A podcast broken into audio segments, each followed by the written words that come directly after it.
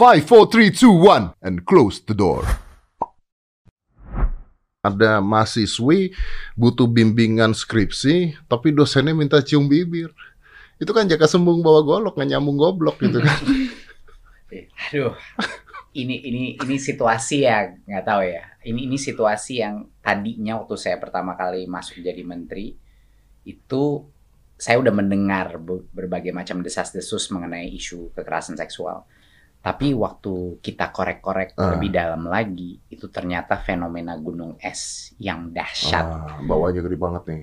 Parah banget. Eh, kita kita mensurvei dosen, 77% dosen ya, ini bukan mahasiswa nih. Kita tes dosen. dosennya dulu. Uh. 77% dari yang dosen yang kita survei bilang bahwa mereka telah melihat kekerasan seksual di dalam kampusnya sendiri. 77%. Dan dari 77% itu kasus itu 67% dari kasus itu bahkan katanya nggak nggak dilaporkan sama sekali. Tidak dilaporkan karena takut kayaknya atau tidak ada bukti, bro. Uh, all Whatever of, the reason. All ya? of the above. Tapi gini, Cinta tuh tadi baru ngirim, Tia coba keluarin uh, fotonya. Cinta tuh tadi pagi ngirimin saya uh, riset ya, yeah. uh, foto tentang mm -hmm. riset tentang uh, siapa sih sebenarnya korban pelecehan seksual gitu. Kan selama ini kan kita mengatakan ya gara-gara ceweknya aja bajunya kebuka, bajunya mm -hmm. seksi, jadi cowoknya nafsu gitu kan biasanya. Yeah. Enggak ya, ternyata enggak ya. Enggak, Anda langsung geleng-geleng berdua. No, I mean, you know, orang-orang yang berusaha atau mengklaim bahwa mereka berbicara soal isu ini dari segi yang menggunakan logika menurut aku sangat salah karena mereka melakukan sesuatu yang namanya menggunakan suppressed evidence. Mereka hmm. hanya memberikan bukti yang mengafirmasi klaim mereka tapi nggak mencari eh, sumber-sumber uh, lain okay. dan buktinya melalui riset seperti kita, kita coba coba coba kita gue juga penasaran nih karena menurut gue tadinya saya berpikir oh iya gara-gara bajunya seksi sih gitu. Wah, wow, berarti saya. kurang critical Jadi. thinking tuh. Belum apa-apa disalahin. Coba ya. Enggak. Apakah pelecehan seksual disebabkan karena korban berpakaian terbuka dan ketat? Ternyata rok dan celana panjang 18%. Rok dan celana panjang. Seragam sekolah 14%. Baju lengan panjang 16%. Hijab hijab 17%, baju longgar 14%. Dan ini dari BBC loh. Gila. sumbernya. Berarti mereka mau berhijab, mau tangan panjang dan sebagainya nggak ngaruh ya? Nggak ngaruh. Tetap aja ada kekerasan seksual ya? Karena kekerasan seksual terjadi karena pelaku yang tidak bisa mengontrol cara berpikir atau persepsi mereka. Hmm. Bukan seseorang mengundang, hey come here, ayo lak ya, ya, lakukan ya. perbuatan yang salah. Enggak sama sekali. Jadi baju itu yang kita kenakan tidak ada hubungannya sama sekali. Dan ada bukti konkret yang kita bisa lihat di hadapan kita bahwa orang-orang harus berhenti menggunakan pakaian sebagai alasan seseorang menjadi korban kekerasan. Betul. Saya setuju. Ana analoginya kayak gini deh. Kalau kita ada di jalanan, ya. lalu uh, ada orang digebukin sama orang lain, uh. ya, misalnya dua dua dua laki-laki, satu digebukin sama yang lain. Kita nanya nggak orangnya, oh tapi dia pakai baju apa itu orang? Mungkin dia pakai baju yang aneh atau lucu atau dia pakai sesuatu hmm. uh, apa dia cat mukanya atau apa tetap aja kan itu jadi, adalah kekerasan. Sebuah kesalahan kan, iya, sebuah kesalahan. Iya, jangan nyari-nyari hmm. jangan nyari jawaban untuk kesalahan yang iya, Anda lakukan. Salahnya tuh mindsetnya dua dua layer salahnya. Yeah. Salah yang pertama adalah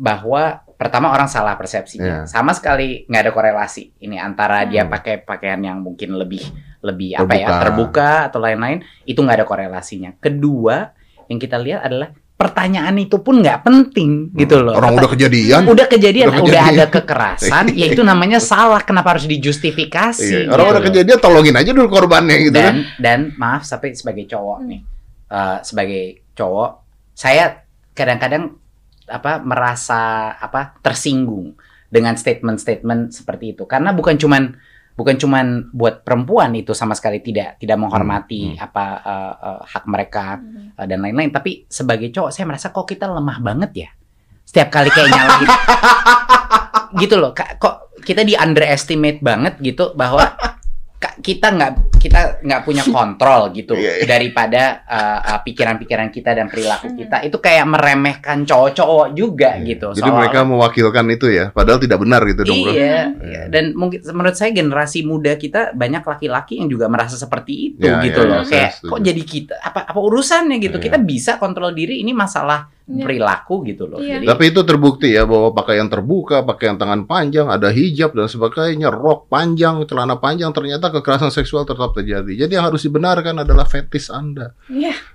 Dan kalau kita mau melihat ini dari segi beragama pun, aku pernah ngobrol sama Hus Habib Hussein Jafar dan dia pernah mengatakan bahwa dalam Al-Quran pun tertulis jika melihat sesuatu tundukkanlah pandanganmu hmm. gitu dalam arti ya kontrolnya ada dalam diri kita bisakah kita menundukkan pandangan kita agar tidak melakukan sesuatu yang immoral gue pernah ngobrol sama Cinta nih tentang ini nih pada saat itu jadi uh, again ini pendapat gue ya gitu uh, buat cowok gitu ya itu menurut gue ada satu lini tersendiri jadi gini kalau saya melihat wanita seksi saya nafsu oke okay? itu tidak bisa dikontrol mungkin.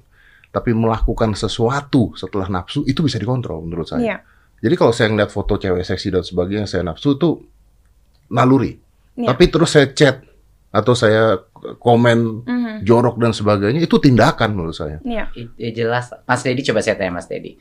Mas Dedi pernah nggak dalam otaknya Mas Dedi dan ini normal buat semua yeah. manusia untuk misalnya ingin mungkin menonjok orang atau ingin orang itu jatuh atau apa ingin mendorong itu kan itu pikiran normal tapi, tapi kenapa, apakah kita, kita kenapa anda menuduh saya ya, begitu iya, iya, saya mikir aja semua iya, iya, iya, iya kan testosteron iya, iya, kan? iya, iya, iya, iya. kalau hukum tidak ada sudah banyak yang mati nah, ini ini makanya ada seperti yang tadi apa Mbak Cinta bilang ada pemisahan dong betul, betul. di antara apa yang kita pikirkan dan, dan apa lakukan. yang kita lakukan itu yang membedakan kita daripada binatang Ya. Itu yang membedakan kita dari binatang. Uh-huh. Ya, berarti dan, berarti saya bisa mengatakan kalau misalnya saya melihat seorang wanita dan saya nafsu masih oke okay ya?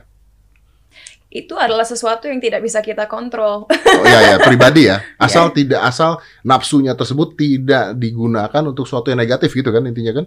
Ya, otak, kan otak seperti yang Mas Dedi bilang, otak kita adalah suatu hal yang nggak bisa kita kontrol. Ya, ya. Ada banyak sekali ke apa pemikiran-pemikiran yang keluar muncul aja. Betul betul. Same thing ketika saya ngobrol sama Cinta tuh saya panas terus dari dulu gitu. Tapi saya limpahkannya di gym gitu. Boleh dong. boleh dong. Boleh dong. Itu apa? Karena kesel sama saya gitu. ya Anda tahulah kenapa. Tapi kita memang ngediam-diam musuhan. Oh ya? Gitu, ya. Emang. Waduh. Kita terus, uh, pokoknya. Baru tahu ini. Anu, udahlah, jangan kasih tahu orang lah. Ribut terus pokoknya. Jelasin dong, jelasin ini, dong. demi ini demi Pak Pak Nadim saya mau ke sini dan bertemu sama Deddy hmm. Corbuzier. Oke, okay. tapi jangan Pak dong. Mas. Oh, Mas. Minimal yes. Mas lah. Mas. Ya, atau bro. Bro. Okay. Okay. Ya, boleh, boleh, boleh, boleh. Nah, Cinta juga mengirimin saya gambar katanya ternyata terjadinya bukan hanya di malam hari. Ternyata terjadinya pagi itu 17%, siang 30. Ini siang terjadi tuh siang. Wow, Anda luar iya. biasa. Siang, sore, malam 21 persen. Siang 35 persen ini apa yang terjadi? Oh iya, tapi yang kayak di kampus itu juga Bayangkan saja, di kampus yeah. saja mereka kan biasanya memang bersekolah di siang hari atau at least sebelum gelap, hmm. ya. Yeah. Dan itu menunjukkan bahwa ya memang para pelaku ini tidak takut untuk melakukan kekerasan atau pelecehan di jam berapapun. Anytime pokoknya. Iya. Wah. Tapi boleh nggak gue tanya gini Cinta? Misalnya uh, kan ada kasus-kasus yang terjadi adalah si cewek ini nggak punya bukti bro. Jadi pelecehan seksual tanpa bukti. Mm. Akhirnya cuma argumen versus argumen. Itu yang banyak terjadi. Nah ini kan akhirnya dilaporkan balik lah. Ini kesian banget, di korban dilaporkan balik, ditakut-takuti dengan denda apa 10 miliar gitu kan, UU ITE dan sebagainya. Ini kan penak, uh, takut-takutan kan intinya kan. Oke. Tapi what if kalau kejadiannya seperti ini? Gue dosennya, mm-hmm. ceweknya minta bimbingan skripsi gitu. And then kalau kejadian itu kan ceritanya uh, si dosennya ngomong bibir mana bibir mana gitu. What should you do? saya dorong dosennya dan saya laporkan, tapi nggak semua orang mempunyai keberanian itu dan oleh karena itu, you know, permen PPKS seperti ini diperlukan agar orang-orang bisa sadar. Betul, apa tapi sih? gimana caranya kalau misalnya cinta dorong saya, saya dosennya cinta hmm. dorong, tapi tidak ada kamera, tidak ada apa-apa, terus cinta melaporkan, terus saya bilang no, I didn't do it, saya nggak lakuin. Ya, inilah situasi yang sekarang berada. Betul. Jadi saya kasih dua skenario nih Mas Dedi. Pra permen PPKS, hmm sama pasca okay. uh, permen PPKS.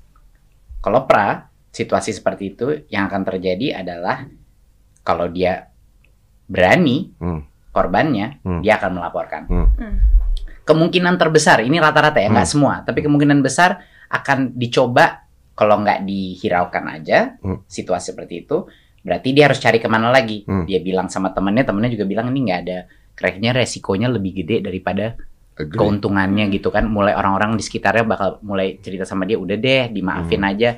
Bahkan kalau dia lebih berani lagi kepada apa, pihak institusi atau siapa pasti akan dibilang coba kita damai damai damai secara dan ini ironisnya damai secara kekeluargaan.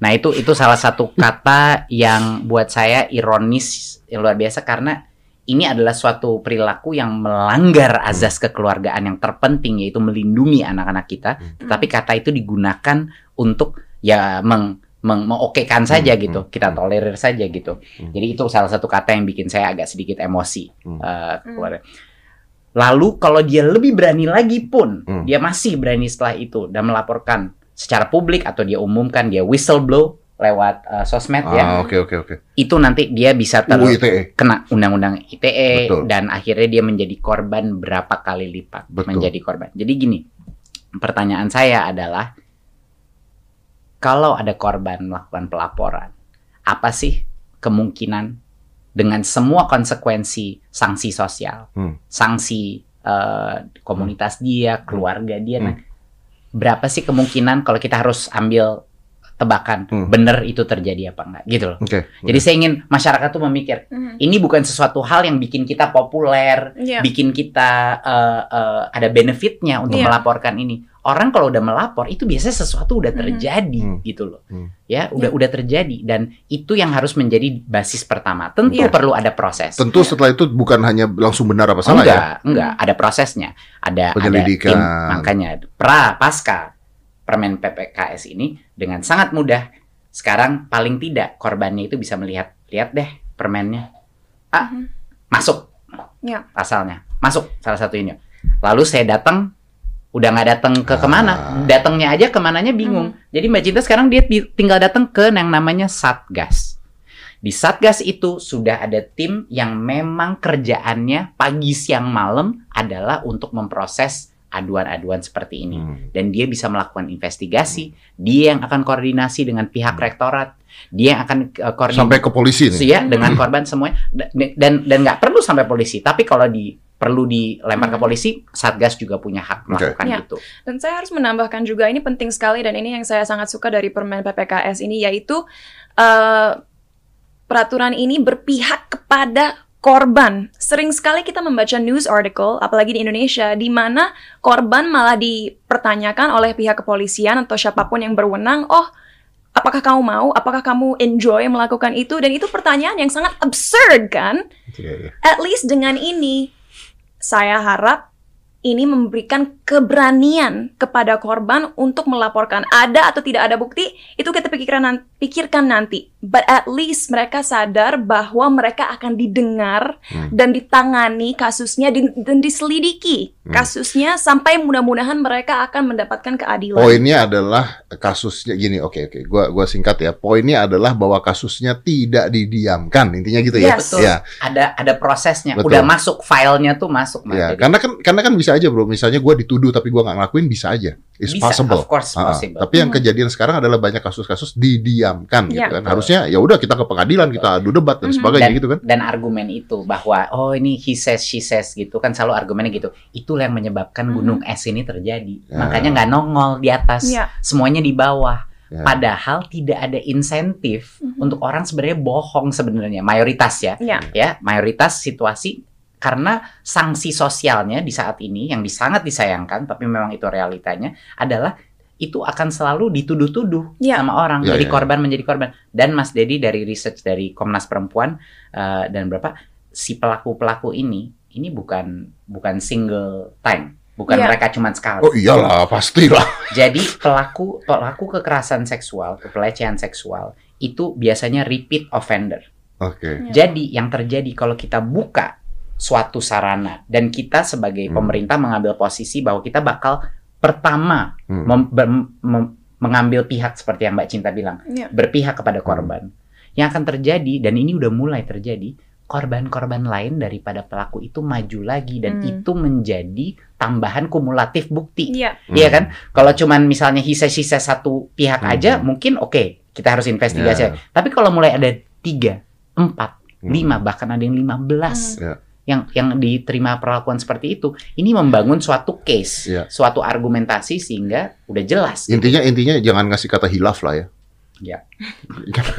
Biasanya gitu kan kalau kejadian maaf saya hilaf gitu kan. No, and we need to start the movement now. Aku akan bicara dari segi psikologi ya karena kebetulan aku uh, saya saya dulu belajarnya di bidang psikologi dan dampak mentalnya terhadap korban itu benar-benar monumental. Mungkin kita di sini berpikir, oh oke, okay, setelah kasus seperti ini terjadi, mungkin mereka bisa bangkit dan kembali ke hidup mereka masing-masing seperti biasa. But to be honest, dampaknya itu bisa bertahun-tahun bahkan selamanya. Hmm. Dan sedihnya bukan saya bilang nggak ada fasilitas untuk rehabilitasi di Indonesia secara mental atau um, emosional atau fisik, tapi masih sangat-sangat kurang. Hmm Hmm. Makanya at least dengan adanya sebuah peraturan seperti ini yang berpihak kepada korban, kita juga mempunyai insurance atau kepercayaan bahwa oke, okay, at least setelah ini akan ada komunitas di sekitar saya yang mudah-mudahan bisa membantu saya bangkit lagi dari situasi yang sudah saya alami dan itu penting sekali support emosional, fisik dan mental. Ya karena sebenarnya dengan adanya aturan ini juga pelaku jadi takut kan sebenarnya untuk mau mm -hmm. melakukan aja mau mau melakukan sesuatu aja jadi takut mm -hmm. kan pokoknya mereka bakal think twice iya yeah, betul Dan jadi saya, mikir saya, nih ya, saya udah bilang itu waktu itu di di Najwa waktu itu saya udah nah. bilang bahwa sebenarnya uh, yang saya inginkan juga adalah bagi para pelaku pelaku ini dan saya kepengen ngomong langsung gitu loh kepada mereka gitu loh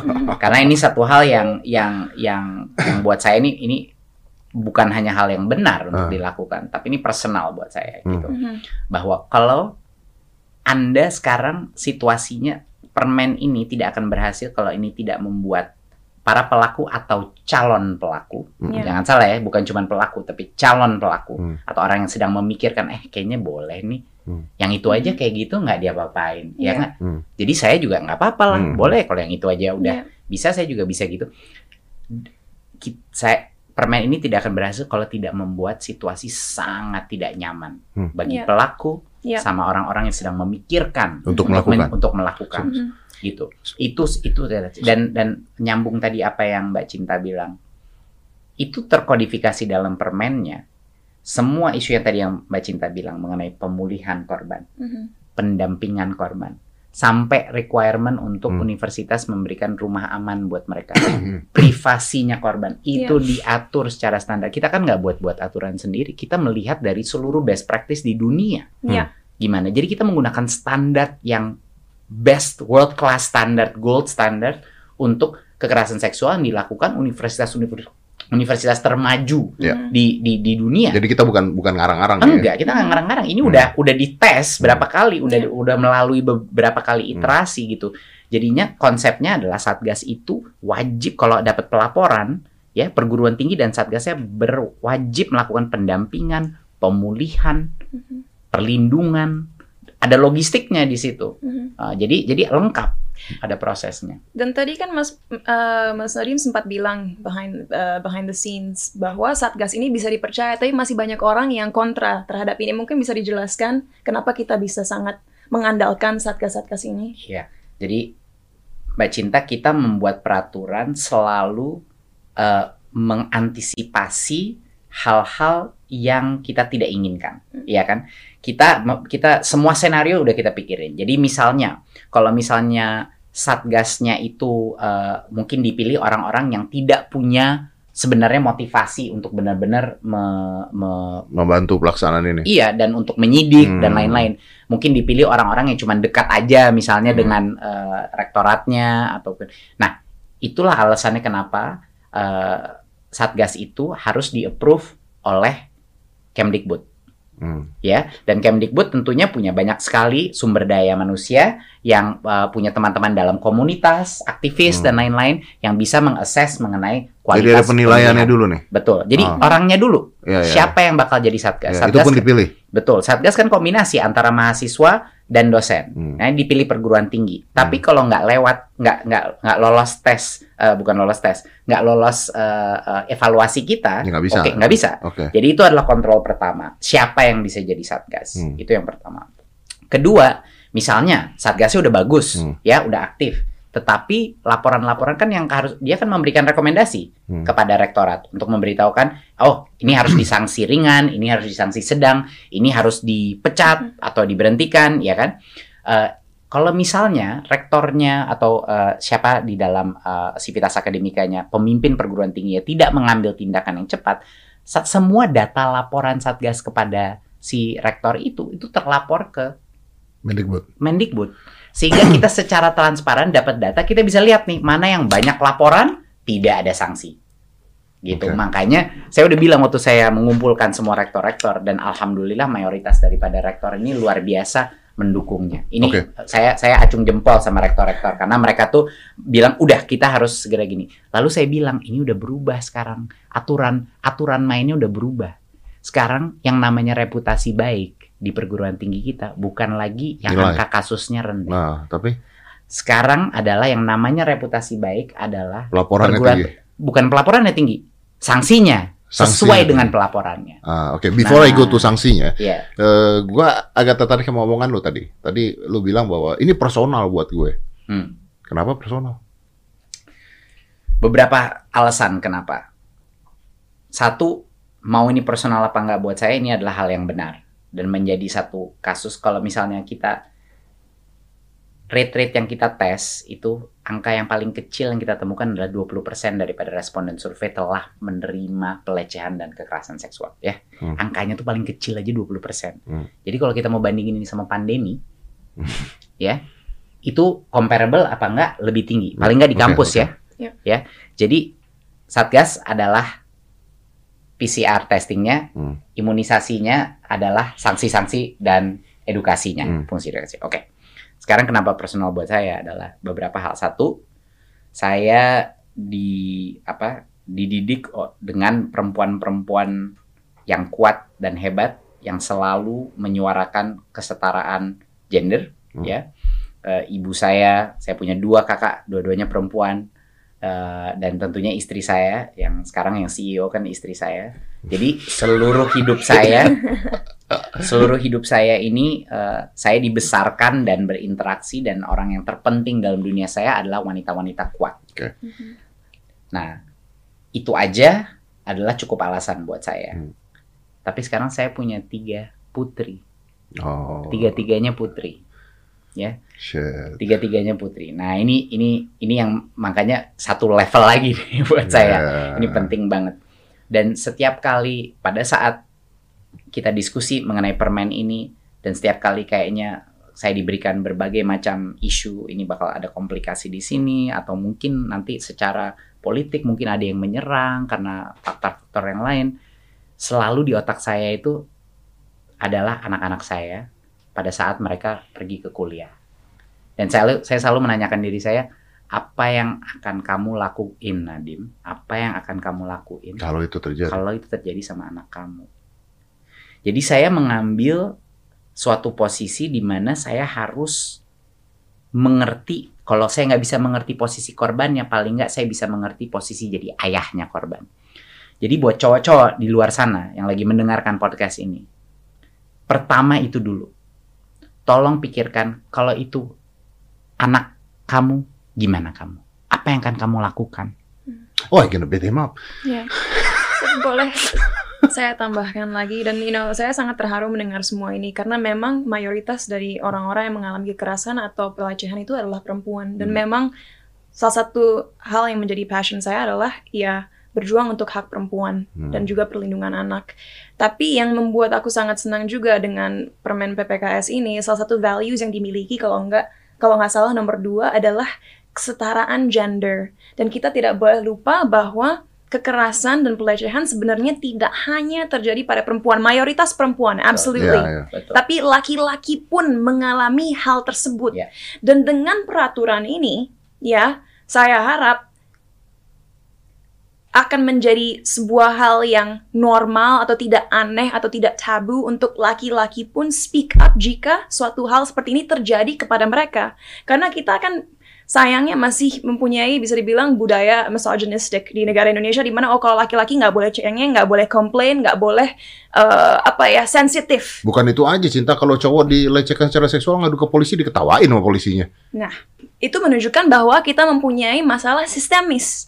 Dan oleh karena itu, penting sekali lewat pendidikannya sejak dini kita membuat orang-orang sadar akan um, tipe pelecehan kekerasan kekerasan apa aja yang ada di luar sana dan apa yang kita bisa lakukan. Hmm. Sorry ini agak off topic dikit ya, tapi sempat ngobrol sama Mas Nadim tadi di luar bahwa ada suatu hal ya, yang terjadi secara pendidikan kepada aku waktu aku masuk kuliah di US dulu yang menurut aku dulu tuh aduh buang-buang waktu banget tapi ternyata sangat-sangat berarti dan useful sampai sekarang.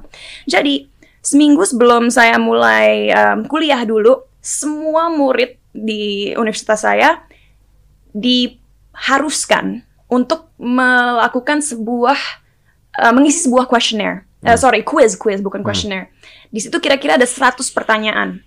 Kalau kita tidak lulus dengan nilai minimal 75%, kita nggak boleh mulai kelas. Hmm. Sampai kita lulus. Dan kalau kita nggak lulus, kita harus mengambil seminar. Mau itu tentang misalnya alkohol, atau tentang pelecehan, hmm. atau tentang um, drugs, apa pun itu. Dan lagi-lagi, waktu saya dulu mengambil tes itu, saya sempat mikir, aduh ini kan straightforward banget, ngapain sih? Ya jelas lah kalau minum alkohol nggak boleh nyetir, jelas lah kalau ada you know, seseorang mendatangi kita dan menyentuh kita tanpa uh, tanpa consent ya kita dorong dia atau laporkan dia atau apa buat saya dulu itu aduh jelas ngapain sih tapi sekarang setelah saya udah dewasa saya sadar bahwa quiz sesimpel itu membuat values-values penting dan informasi penting yang terkait dengan yeah. pelecehan jadi nempel nempel hmm. dan aku harap ya dengan adanya Mas Nadim ke depannya kita juga bisa melakukan hal ini di uh, perguruan tinggi di Indonesia yaitu setiap murid harus mengambil basic standard test ini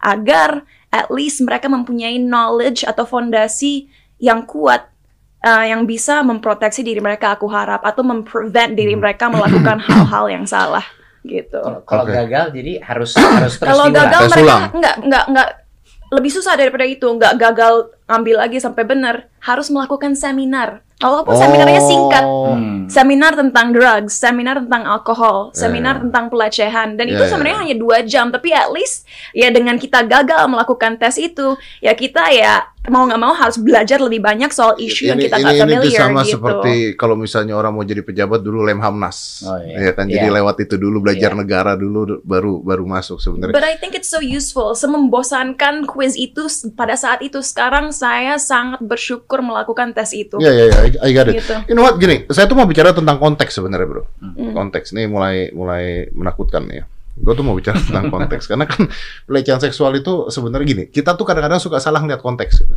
ya tapi hmm. uh, contohnya gini saya kan sering banget kena somasi bro karena nyebelin sih. Duta somasi Indonesia. Sebulan empat. Somasi. Tapi serius? Serius? Empat. Empat. Waduh. kemarin baru. Cuman saya selalu melawannya dengan begini. Anda yang somasi saya tuh nggak ngeliat konteks saya bicara gitu. Jadi maksudnya konteks ketika saya bicara jangan dipotong dong gitu. Kan konteksnya ada. Nah, saya mau bicara tentang konteks nih sekarang gitu ya. Jadi kan gini sebenarnya. Saya itu setiap kali ngeliat cinta, apalagi lagi di IMB, ya kan. Dia tuh kalau lagi di IMB cantiknya banget.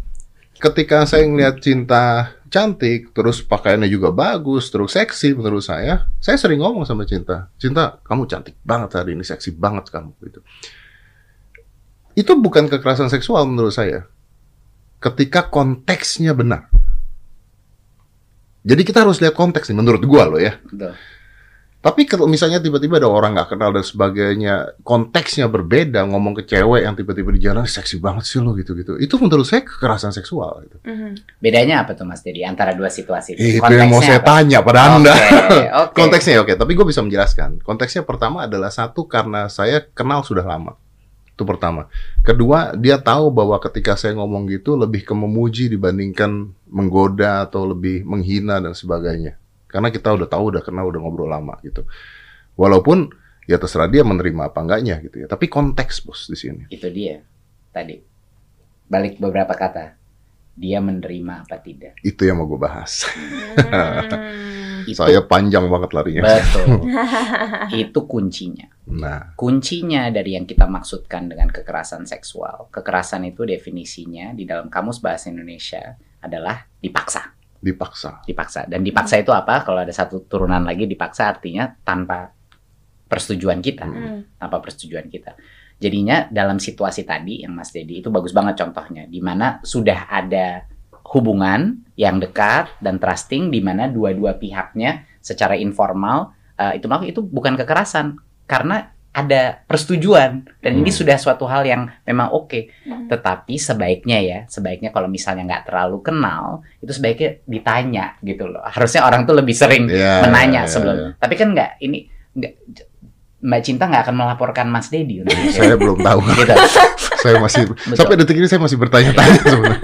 Tetapi di situasi dan ini hal yang memang ini perdebatan yang kadang-kadang di level sini. Hmm. Tapi kalau kita lihat reality di lapangan Uh, dan ini beberapa uh, tokoh-tokoh uh, perempuan uh, yang membicara kepada saya, apa benar menurut kalian gitu ya cowok-cowok gitu? Bahwa kalau kita tidak bisa membedakan antara suatu hmm. uh, uh, omongan atau hmm. sentuhan di mana kita yeah. membuat kita sangat tidak nyaman yeah. Yeah. Yeah. dengan tanpa izin kita gitu hmm. bahwa ada ada violation yang terjadi apa benar kita tidak bisa mengetahui yeah. apa yang perbedaan antara misalnya just uh, uh, friendly aja gitu hmm. dibandingkan dengan sesuatu yang punya nuansa uh, yang predator ya. gitu. Ya. Itu perempuan kita tidak bisa meremehkan perempuan. Karena, perempuan itu sangat mengerti perbedaan. Ya karena itu abstrak kan, Bros. Betul. Itu kan iya. abstrak, ya. susah untuk dijelaskan. Tapi nggak usah abstrak. Ada persetujuan nggak? Perempuannya merasa nggak itu merasa suatu terganggu ya, apa tidak? Terganggu gitu apa kan? tidak? Pokoknya ya, kalau ya, udah ya. terganggu ya itu. Dan, itu artinya salah. Ya, dan anda... persetujuan harus sangat-sangat clear ya.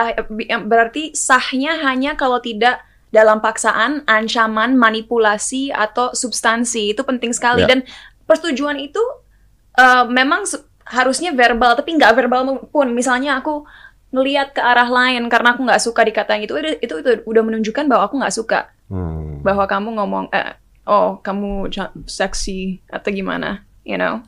Jadi dan harus jelas juga apa yang disetujui gitu. Misalnya aku nggak apa-apa kalau saya nggak apa-apa kalau Dedi bilang oh kamu cantik. Tapi kalau Dedi ngomong yang lain dan saya bilang hey jangan ngomong gitu karena itu nggak appropriate dan well, you should stop. stop. Ya, ya, ya, ya, ya, ya. Dan dan ini kan Mas Dedi conversation kayak gini ini penting banget nih. Yeah. Apa yang Mbak Cinta bilang ini penting yeah. banget. Karena ini untuk pertama kalinya, ini feel, feeling saya nih ya di kampus-kampus sekarang, pertama kalinya perbincangan seperti ini mm. sekarang mulai terbuka. Ya betul betul. Mm. Karena selama ini tabu bro. Betul. Jadi yeah. bukan ini ini kebijakan ini bukan masalah cuman mecat-mecat pelaku yang paling sanksi paling berat, sanksi paling atau yang ringan kan ada dari ringan ke berat. Nggak semuanya sanksi berat ya. Ini yeah. jangan iya, iya. berarti orang cuman uh, secara verbal gitu langsung dipecat. Tidak, yeah, yeah. ini bukan situasinya. Tentunya ada prosesnya. Yeah. Tapi yang menurut saya lebih penting lagi di luar si pelaku itu takut. Itu nomor satu paling yeah. penting.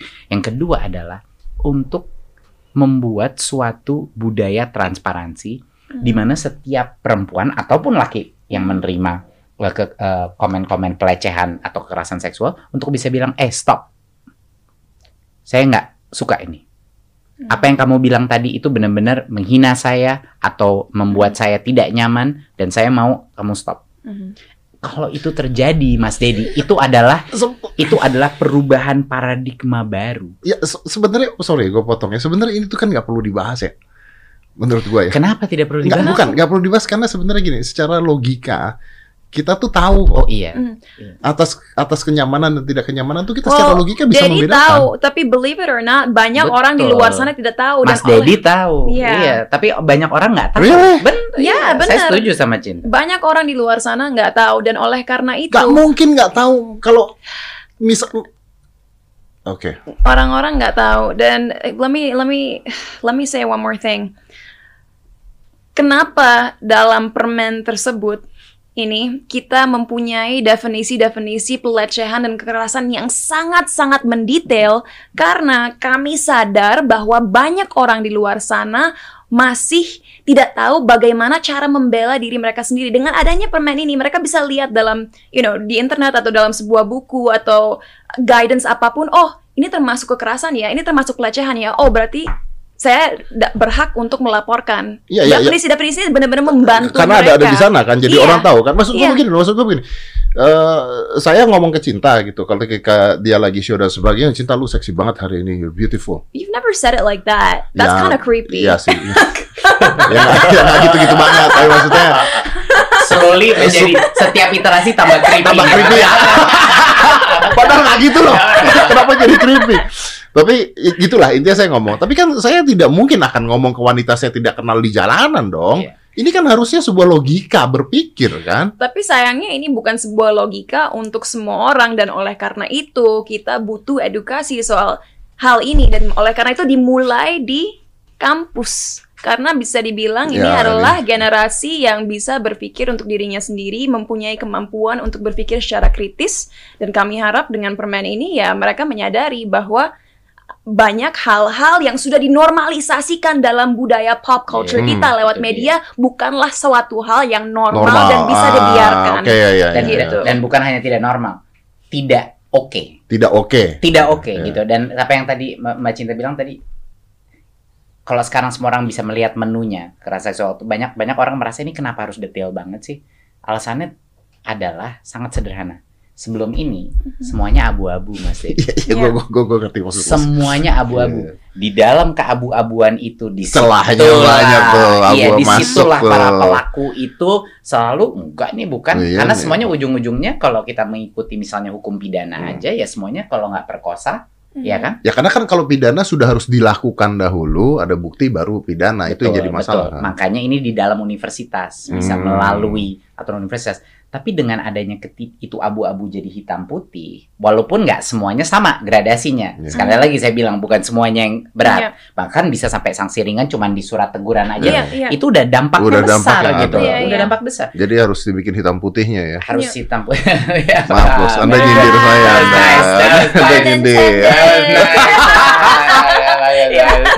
Oke, cepet banget Mas. Jadi jadi itu, tapi dengan kita menghitam putihkan itu, kita memberikan suatu bahasa kepada si dan korban, kepastian korban, dan kepastian. Ah, Nih, okay.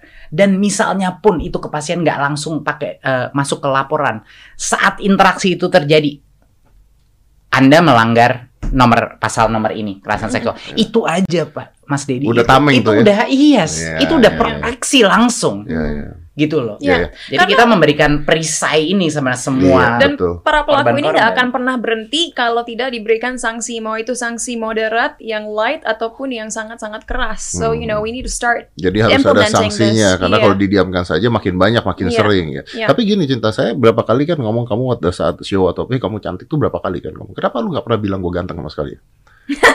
Ini bisa dilaporkan tidak? Uh, gimana ya? No comment. Iya Mas Dedi, be careful what you ask for. Belum tentu jawabannya yang Mas Dedi. Iya. Oke, nah sekarang gini, gue mau bahas tentang uh, kan kemarin kan banyak yang mengatakan wah kalau kayak begini berarti free sex dibolehkan, gitu kan. Ah, oke. Okay. Saya jawab dulu boleh dong. Silakan, saya jawab dulu boleh dong. Kenapa Tapi... sih? Why do you wanna steal our shine? saya mencoba menjawab. Oh, oke okay, oke. Okay. Bukannya bintang tamu dulu ya? bukan, bukan, bukan. Oke oke oke. Kalau menurut saya begini kalau menurut saya. Tapi ya saya kan goblok ya. Jadi kadang-kadang ya udah biarin aja. Main ini mau menurut gua aja gitu. Jadi kalau misalnya dibilang kekerasan seksual salah nggak salah jelas, ya kan? Terus kalau misalnya dibilang seks dengan persetujuan salah nggak? Salah menurut saya. Tapi salahnya beda bro kalau menurut gua. Karena salah itu ada horizontal, ada vertikal. Mm. Yang satu horizontal yang bisa diatur lewat hitam putih surat itu, yang satu vertikal, Anda dengan Tuhan. Yeah. Dan saya, Nadim bukan seorang Tuhan yang nggak bisa menentukan dosa-dosanya gitu kan intinya. Jadi yang bisa dilakukan adalah ya horizontal apa yang bisa dilakukan dilakukan menurut mm-hmm. gua lo ya menurut gue gitu karena lu kan nggak mungkin bisa melakukan dilarang ini dilarang ini dilarang ini sampai semua ya kan mm-hmm. Iya, karena gini, ini bukan penjelasan yang paling sederhana adalah ini bukan permen tindakan asusila. Hmm. Atau kan namanya udah berubah tuh. Ya, ya, ya. Namanya permen tindakan asusila. asusila. Ini bukan permen ini namanya permen kekerasan kekerasan seksual. Itu. Oh. Jadi secara juridis kita harus mengatur hanya yang mau kita cegah. Uh -huh. Dan definisi daripada kekerasan itu adalah paksaan, paksaan artinya tanpa persetujuan, ya. Jadi dan yang bernuansa antara hubungan uh, antara gender, ya kan? hmm. relasi kuasa pun juga termasuk dalam uh, peraturan itu. Jadinya yang pertama sangat penting untuk dipahami masyarakat sebelum memfitnah-fitnah saya bahwa ini menghalalkan seks bebas atau zina, itu harus mengerti bahwa dalam semua peraturan pemerintah kita mengatur sesuatu untuk melindungi korban. Yeah. Hmm. Untuk dan hanya untuk melindungi korban daripada satu jenis kekerasan yaitu kekerasan seksual. Jadinya kekerasan seksual itu harus ada pelakunya mm-hmm. dan harus ada korbannya. Mm. Ini adalah definisi daripada kekerasan seksual ini gitu. Bukan berarti semua yang di, dilarang yang tidak dilarang oleh itu itu boleh. Boleh hmm. atau benar menurut norma agama, etika kampus, apa pun itu standarnya atau undang-undang lain, regulasi lain, hukum kita itu tidak seperti itu bukannya karena hmm. tidak ada tiba-tiba dibalik, oh jadi boleh gitu ya. Itu adalah interpretasi yang menurut saya sedikit uh, salah hmm. daripada cara uh, mengevaluasi hmm permen ini. Permen ini adalah untuk mencegah kekerasan seksual. Hmm. Jadi yeah. semua daftar isinya itu adalah kekerasan seksual. Jadi sekali lagi saya mau bilang, ada banyak kami di Kemendikbudristek tidak mendukung seks bebas. Kami tidak mendukung uh, zina atau apa-apa. Itu harus jelas bahwa itu hmm. bukan posisi kita sama sekali. Tetapi kita mengatur secara spesifik hanya definisi kekerasan seksual. Artinya yang di luar ini namanya bisa lain lagi, tapi bukan kekerasan seksual atau enggak ganti permennya. Mas Dedi, masa saya mau masukin nyontek di dalam ini? Itu kan perbuatan asusila. Mencuri itu juga perbuatan asusila gitu kan uh, misalnya uh, perundungan biasa kayak ber berkelahi orang orang-orang berkelahi gitu itu kan tindakan asusila tapi nggak dimasukkan dalam ini apakah itu dibolehkan ya tidak mm-hmm. Hmm. Ini permen secara spesifik hanya saya, mengatur saya, satu. Saya, saya sih paham karena begini ya. Ini kalau gue mau stretch lagi lebih panjang lagi dan agak-agak porno ngomong ya. Uh, hubungan suami istri aja melakukan seksual itu bisa dengan kekerasan loh. Iya kan? Bisa aja kalau bisa, bisa aja. Bisa. Tanpa konsen ya. Kekerasan bisa ya. di dalam konteks apa? Ada yang namanya marital rape yang iya. masih belum benar-benar dimengerti hmm. di, di negara ini dan menurut aku udah waktunya kita menyadari bahwa dalam sebuah perkawinan pun kalau seorang partner memaksa partnernya tersebut untuk melakukan hal-hal yang tidak diinginkan hmm. itu termasuk kekerasan. Iya, termasuk gitu. kekerasan kan karena mm-hmm. ini Dan di negara-negara lain partner tersebut dapat dipenjarakan atau dihukum. Iya, iya, iya, iya. Gitu. Iya, iya, makanya kan kekerasan seksual beda dengan uh, perlakuan seksual sebenarnya. Ini kekerasan ada korbannya yang yang tidak mau ada di sana intinya gitu yes. kan ya. Hmm. ya. Jadi skopnya harus ke sana atau enggak bakal kebuka ke mana-mana gitu. Jadi, tapi tapi gini Mas Dedi, saya hmm. juga mau bilang bahwa saya udah datengin uh, berbagai macam organisasi masyarakat yang punya concern mengenai hmm. ini. Dan saya akan mengambil kesempatan dalam beberapa bulan ke depan ini untuk datengin satu-satu karena saya juga ingin mengerti concern mereka gitu. Uh, saya udah udah muter-muter tapi akan lebih lagi intensif. Jadi kita kita sebagai uh, pembuat kebijakan tuh harus benar-benar terbuka hmm. gitu. Walaupun misalnya uh, itu menghasilkan uh, suatu argumen yang mungkin di luar dari ruang lingkup ini, tapi harus kita dengarkan, Mas Dedi gitu. Sebagai pemerintah itu tugas kita, tugas saya tuh itu. Hmm. Jadi saya harus, saya akan datang menggunakan beberapa bulan ke depan ini, saya dengerin satu persatu, lihat masukannya. Coba kita bisa cari nggak uh, suatu uh, pengertian yang sama. Hmm. Tetapi dari semua pun yang yang punya concern mengenai frase-frase dalam permen ini yang membuat saya sangat senang sebenarnya adalah semuanya semangat dan sepakat bahwa permen kekerasan seksual ini harus terus jalan. Itu yang yang membuat saya juga semangat gitu. Hmm. Bahwa walaupun ada concern mengenai frase-frase atau apa pun, mereka semua bilang ini harus jalan karena ini penting. Jadi itu yang membuat saya juga sangat semangat bahwa oke okay, nggak apa-apa kita punya sedikit perbedaan pendapat. Ada yang mau bilang mungkin frase itu ada multitafsir dan lain-lain. Saya dengarkan, saya dengarkan, saya tampung, kita lihat, kita evaluasi. Tapi kita harus pastikan semua pihak didatengin, ya, gitu. ya, termasuk ya. kampus dan dosen dong. Mereka hmm. stakeholder utama kan. Hmm. Jadi saya juga harus menanya kepada mereka bagaimana ini uh, uh, feedbacknya, evaluasinya. Tentunya dalam saat merancang kita pun udah muter-muter, tapi kan sekarang uh, lebih kelihatan siapa yang mungkin lebih punya masalah. Is this ini. is this things possible dilakukan bukan hanya di sekolah nggak sih? Di kantor banyak loh terjadi kekerasan seksual.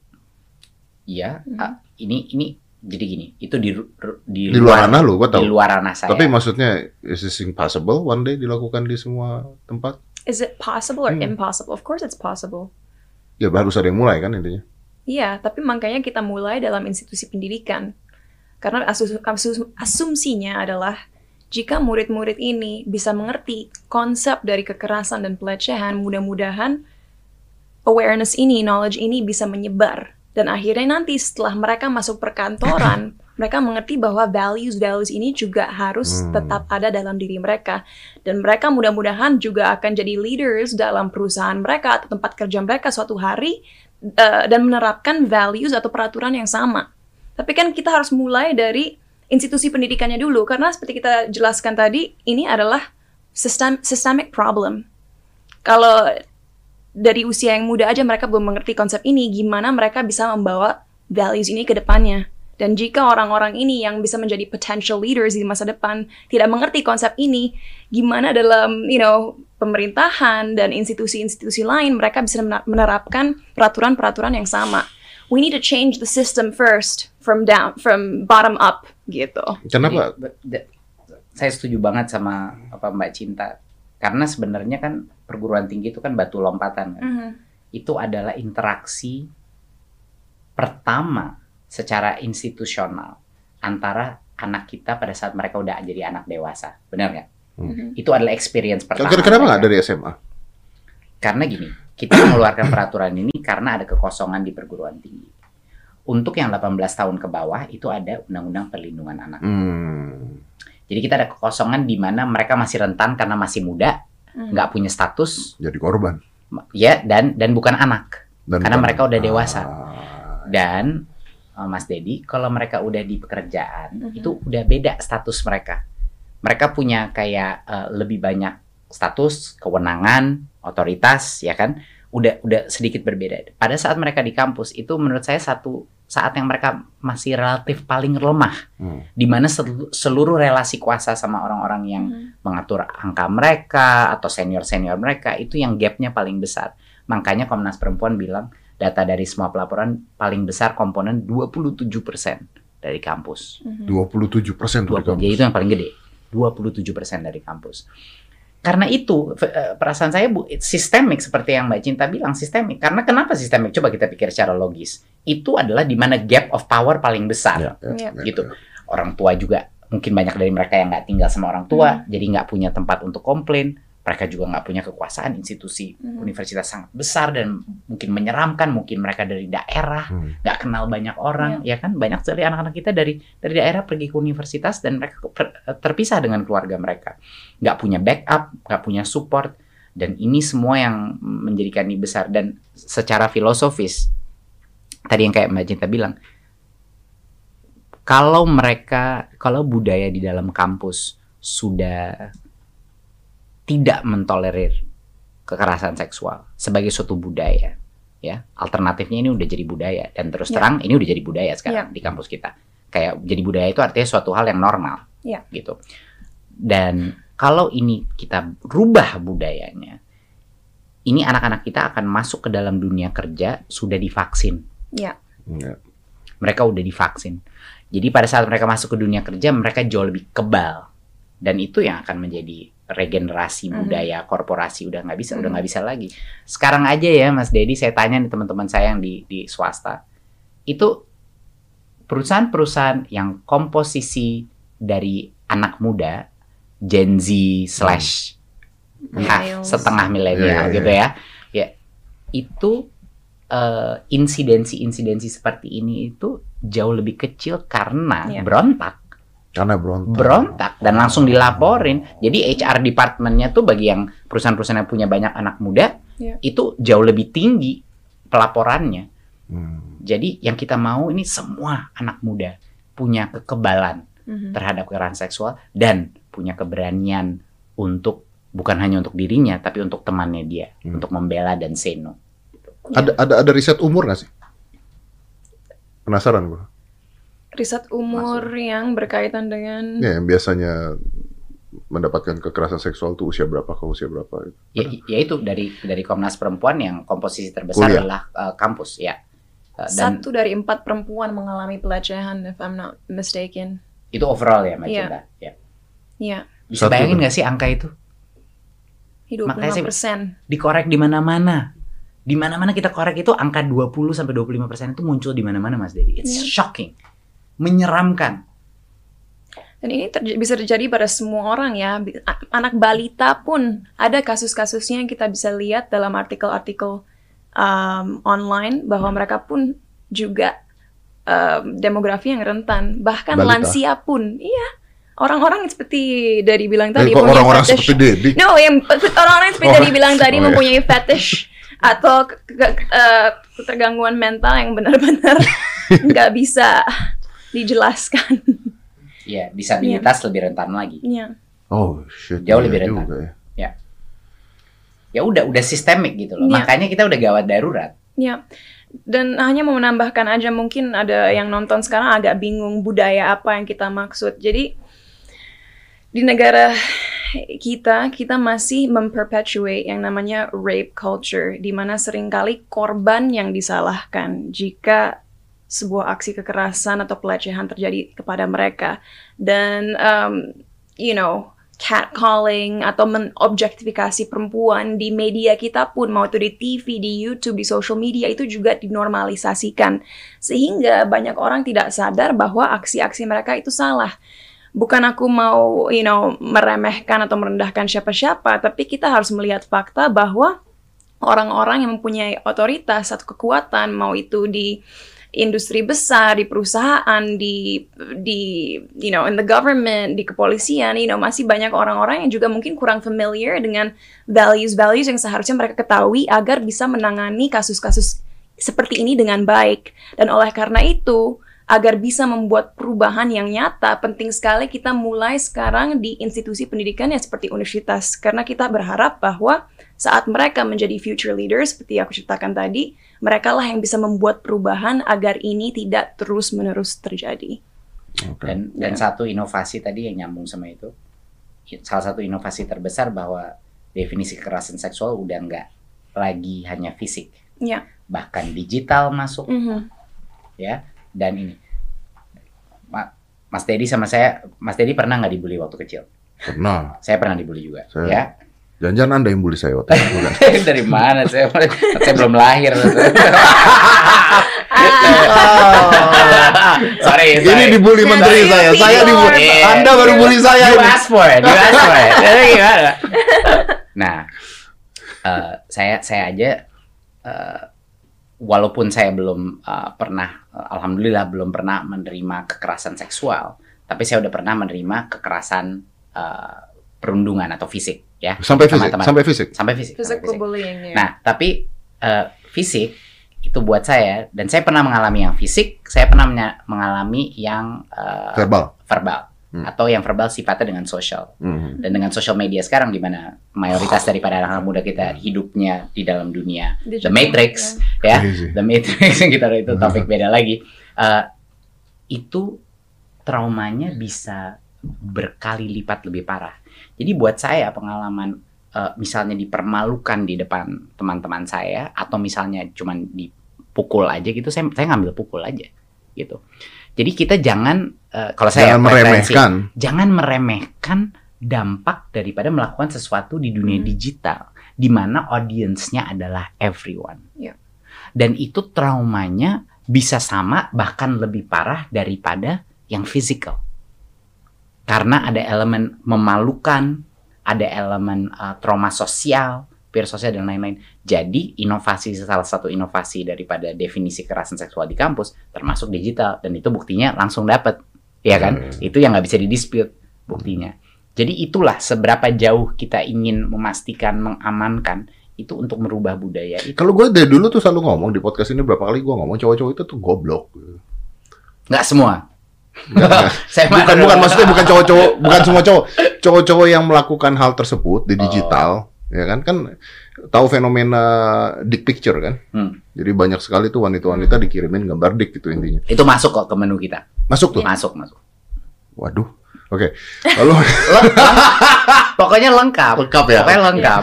Lalu kan ada tuh yang di komen-komen dan sebagainya yang oh pokoknya seksual banget. Terus saya selalu ngomong di podcast saya itu cowok-cowok tuh goblok gitu. Kenapa goblok? Karena saya nggak ngebayangin apa yang mereka pikirkan. Karena begini, kalau buat saya gitu ya, kalau buat saya ketika saya suka sama seseorang gitu, uh, assume saya suka sama cinta, saya nggak akan mengirimkan gambar dik atau saya nggak akan di di komen nulisin sesuatu yang aneh, because I know yang gue lakukan percuma.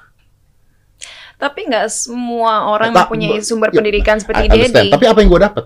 Gue gue kan nggak akan dapat apa-apa kan?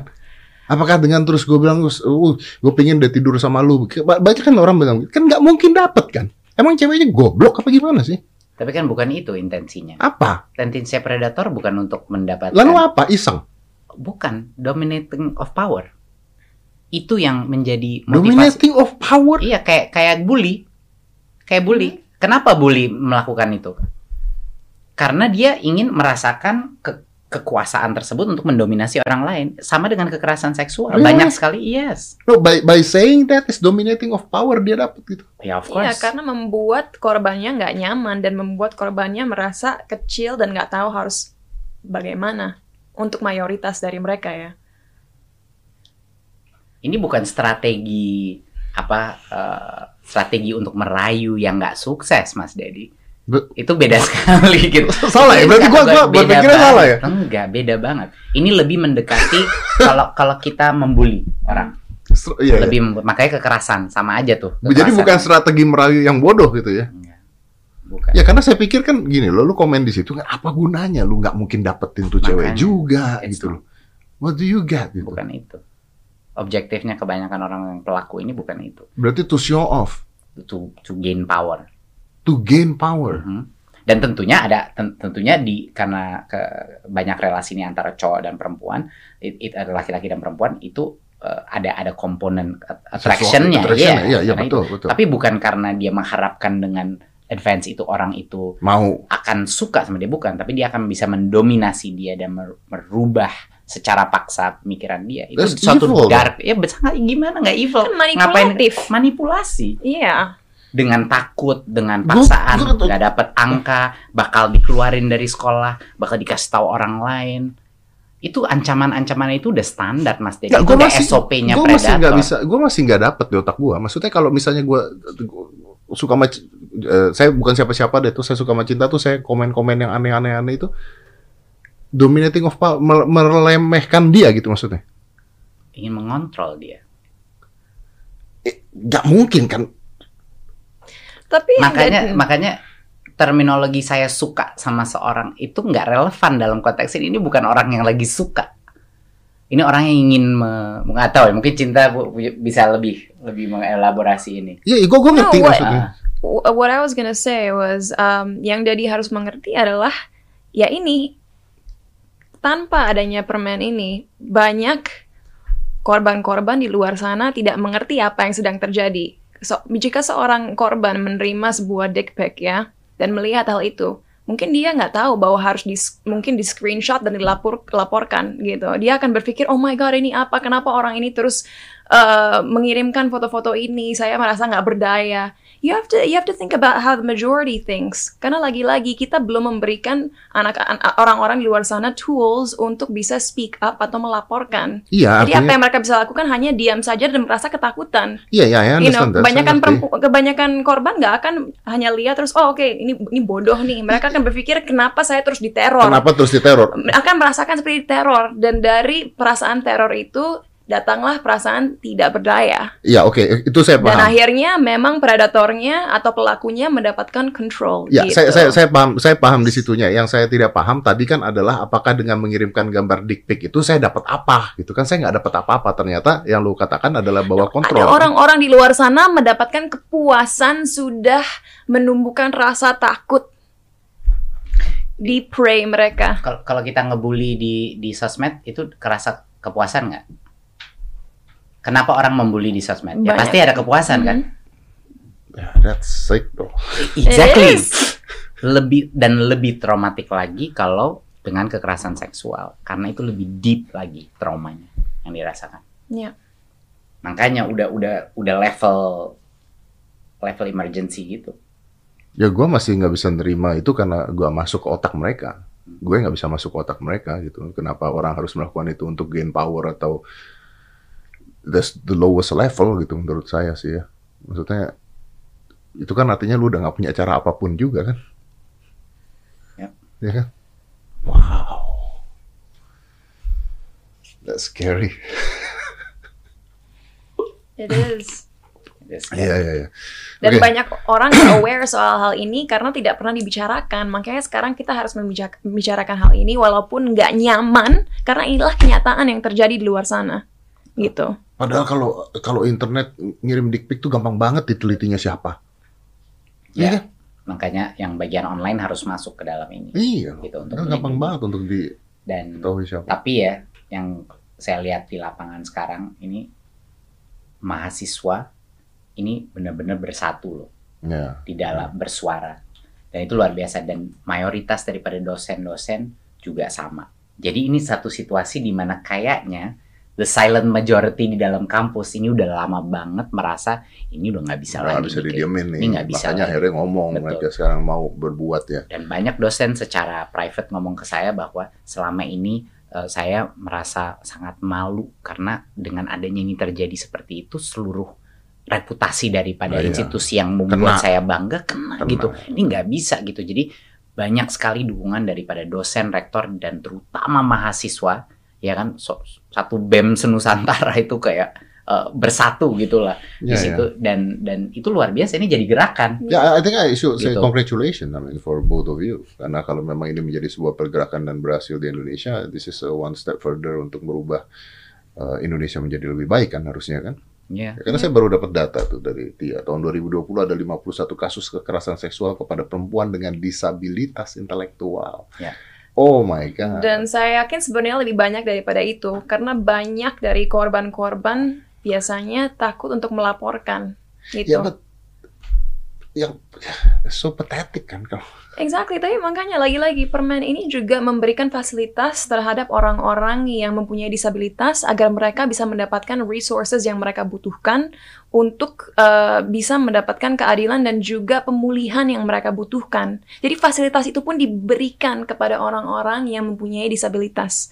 Sekarang tanpa ada undang-undang atau tanpa ada peraturan, what are they gonna do? Nothing karena tidak ada mediator. Karena ada mediatornya ya, ya, ya, ya, ya, ya, ya, ya, ya. saya oke okay lah, saya paham lah, saya baru paham gitu. Karena selama ini saya selalu kalau saya ngomel-ngomel di podcast selalu ngomel-ngomelnya gue gini itu cowok-cowok gila ya nggak nggak bisa nonton bokep aja gitu.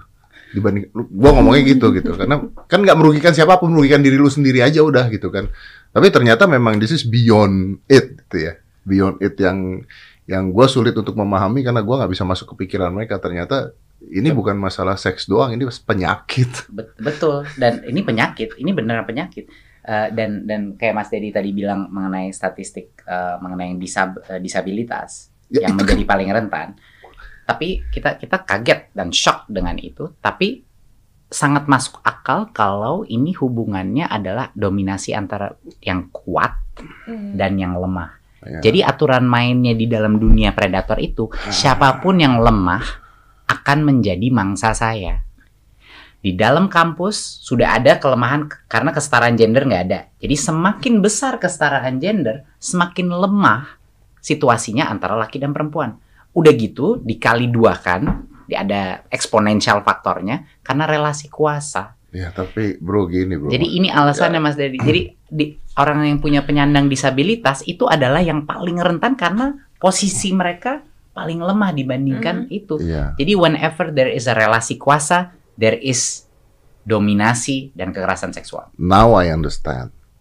Now you Now understand. understand. Karena menurut saya gini loh, kalau kita bicaranya kuat dan lemah gitu ya. Kalau mau kuat dan lemah, kalau misalnya misalnya gue ngeliat cewek dan dia lebih lemah terus gue melakukan kekerasan seksual karena gue lebih kuat aja jauh lebih kuat aja kalau di otak gue what fun of it gitu menyenangkannya apa ya jelas lah bisa orang dia lebih lemah karena mas Dedi nggak insecure iya. nggak yeah. perlu membuktikan untuk merasa harus mendominasi gitu. Tapi banyak banyak orang predator-predator ini merasa ya ini adalah mereka ketagihan dari perasaan itu.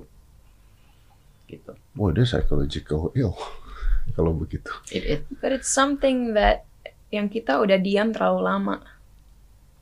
Makanya bisa berkembang biak seperti sekarang. Yeah, And that's yeah. why we need to stop it. Ya, yeah, ya, yeah. yeah, we need to stop this.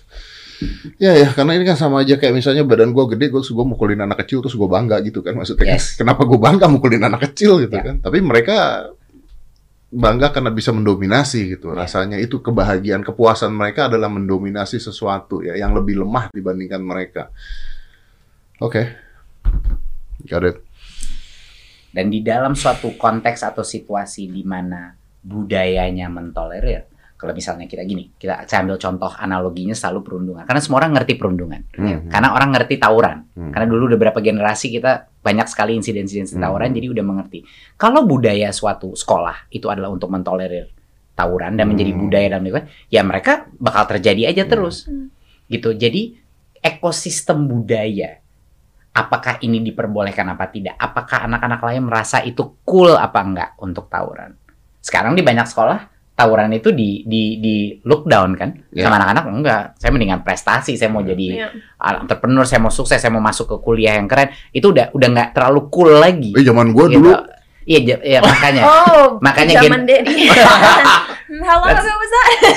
ya, inilah generational gapnya ya, yang cukup besar.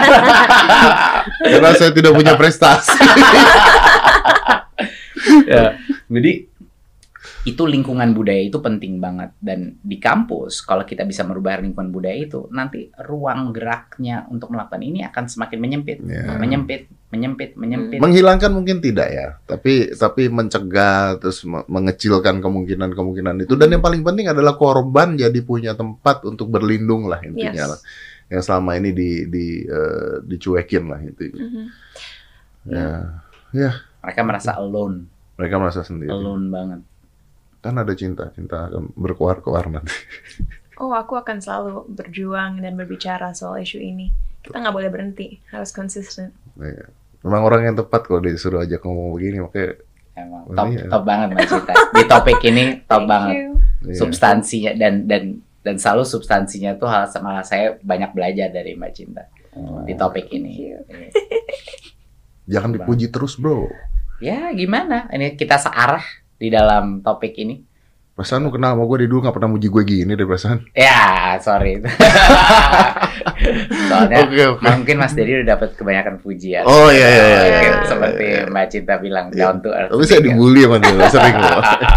Oke lah, ini ada poin dan ya, mudah-mudahan juga uh, pendengarnya juga mengerti ya. Kalau gua tarik aja kesimpulannya adalah pertama bahwa aturan ini dibuat sebenarnya untuk melindungi korban. Mm -hmm. Itu satu. Yeah dan dibuat untuk supaya mencegah adanya kelakuan-kelakuan seperti itu lagi di next kemudiannya. Mm-hmm. Jadi kalau kita mau tarik panjang, nanti mereka ini akan menjadi generasi penerus bangsa kan, yeah. di pemerintah, di kantor dan sebagainya. Dan kalau saya mau tarik kesimpulan yang paling bodoh adalah ini kalau dibiarkan menjadi penyakit sosial, mm-hmm. yang akhirnya dibiarkan terjadi dan menjadi normalisasi kalau itu terjadi.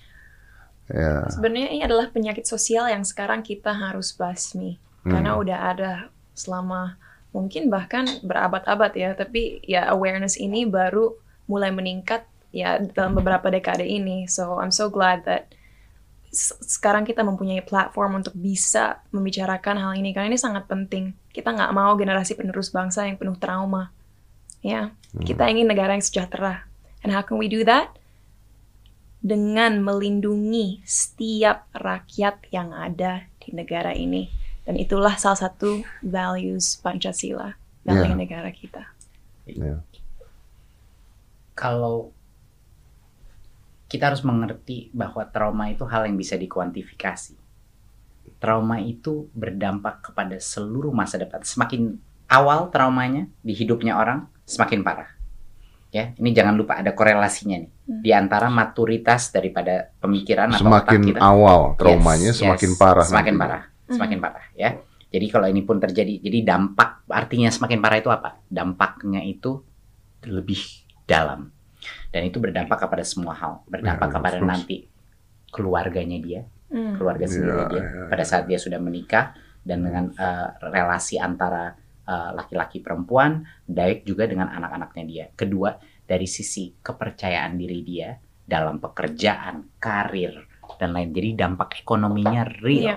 Ya. Dan yang paling bahaya adalah ketika mereka akhirnya merasa bahwa oh normal digitukan. Iya. Betul. Iya kan bisa terjadi tuh. Dan inilah yang paling tragis. sense of self value-nya dia. Iya, ini yang paling iya. korban utama yang uh, korban yang sampai sampai yang mati itu siapa dalam dirinya adalah sense of dignity dan value kepada dirinya. Iya. Bukan hanya rasa percaya diri, rasa self esteem. Dan pada saat itu mati di dalam diri kita, seluruh trajektori hidup kita berubah ya udah udah itu udah pola pattern depresi, ya, anxiety disorder itu udah udah udah itu ya. adalah hmm. minimum. Ya artinya lu merusak hidupnya kan, merusak, merusak hidupnya hidup. kan. Ini satu hal yang cuma terjadi sekali aja, ya. Sekali aja dalam hidup bisa ya. merusak selama lamanya, apalagi di anak muda kita. Ini makanya ini beda sama jenis uh, kekerasan lain dari sisi severity. Makanya kita merasa kita harus mengatur ini. Gitu. Ya dan dan dan itu sebenarnya yang yang mau saya sebutkan sebagai kind of a call bahwa pertama yes saya mengerti banyak sekali pasti uh, isu-isu dan masukan mengenai poin ini saya akan dengarkan saya akan tampung semuanya saya akan datang dalam beberapa bulan ke depan ke semua pihak untuk mendapatkan aturan tapi tolong ini harus kita jalan sepakat ini jalan dulu yes. kalau itu masalah kata-kata masalah ya pembenaran nanti yes. harus dibenarkan yes. apanya dan tidak tapi ini tetap harus dijalankan Isu, intinya itu isunya jangan dibuang di di, di, di samping daripada disampingkan dari isu yang ada ya. eh ini lagi ada center ya. Kita lagi menyalakan center terhadap suatu dosa besar ini ya, ya eh, suatu kekerasan yang terjadi di mana-mana tolong jangan senternya dipadamkan dulu Dip, ya diputar ke dipindahin ke sini ya, sini. Jadi jadi ininya nggak fokus, nggak konsen, bahas Betul. yang lain dan gitu kan. Ini harapan besar saya ya. netizen generasi muda, para sivitas akademika dan mahasiswa ini tolong soroti ini. Soroti ini karena ya nggak ada bandingnya ke hmm. kerepotan saya sekarang untuk menghandle semua isu-isu ini dibandingkan apa yang dilalui ratusan ribu bisa hmm. sampai ratusan ribu korban di luar situ. Yep, I'm yeah. agree. Small sacrifice to pay untuk mereka. Gitu. Yeah. Dan please jangan berhenti untuk berbicara. Karena kalau orang-orang yes. tidak mengerti isu ini, mereka tidak akan punya kepedulian untuk melakukan sesuatu. Yeah, yeah. So the more we speak up, the more people will understand dan kita harap dengan begitu mereka juga akan bertindak akan dan mengambil aksi. Ya, yeah. yeah, I'm agree with that. Thank you. Uh, ini ngebuka lah harusnya penonton juga paham dan buat cowok-cowok juga kadang-kadang gini under consent tuh artinya yang cewek juga tidak dipaksakan tidak dan itu simple thing kok sebenarnya simple thing I mean uh, ya kalau gua ngambil contoh paling sederhana aja gitu kalau misalnya cinta lagi jalan di IMB dan lewat tangga dia dengan hak tinggi seingat gua adalah gua tidak langsung grab tangan dia untuk even though tujuannya baik tapi seingat gua adalah I'm giving my hands kalau dia tolak ya udah. Jatuh jatuh loh gitu maksudnya. Tapi itu itu two different yeah, things kan. Karena kalau gua tiba-tiba grab, walaupun tujuannya baik bisa bisa buat perempuan itu apa sih kok tiba-tiba begini kan intinya kan. Jadi under consent artinya yang wanitanya atau yang prianya atau korbannya juga tidak terpaksa untuk melakukan itu dan tidak ada perundungan ya. Yes. Tidak ada perundungan sama sekali. Masalah kata-kata dan sebagainya bisa diperbaiki, tapi permen ini jangan dibuang karena kita sudah gawat darurat. That's the point. Thank you, brother. Thank you. Thank you. Thank, Thank you, Thank you so much. Cinta, thank you.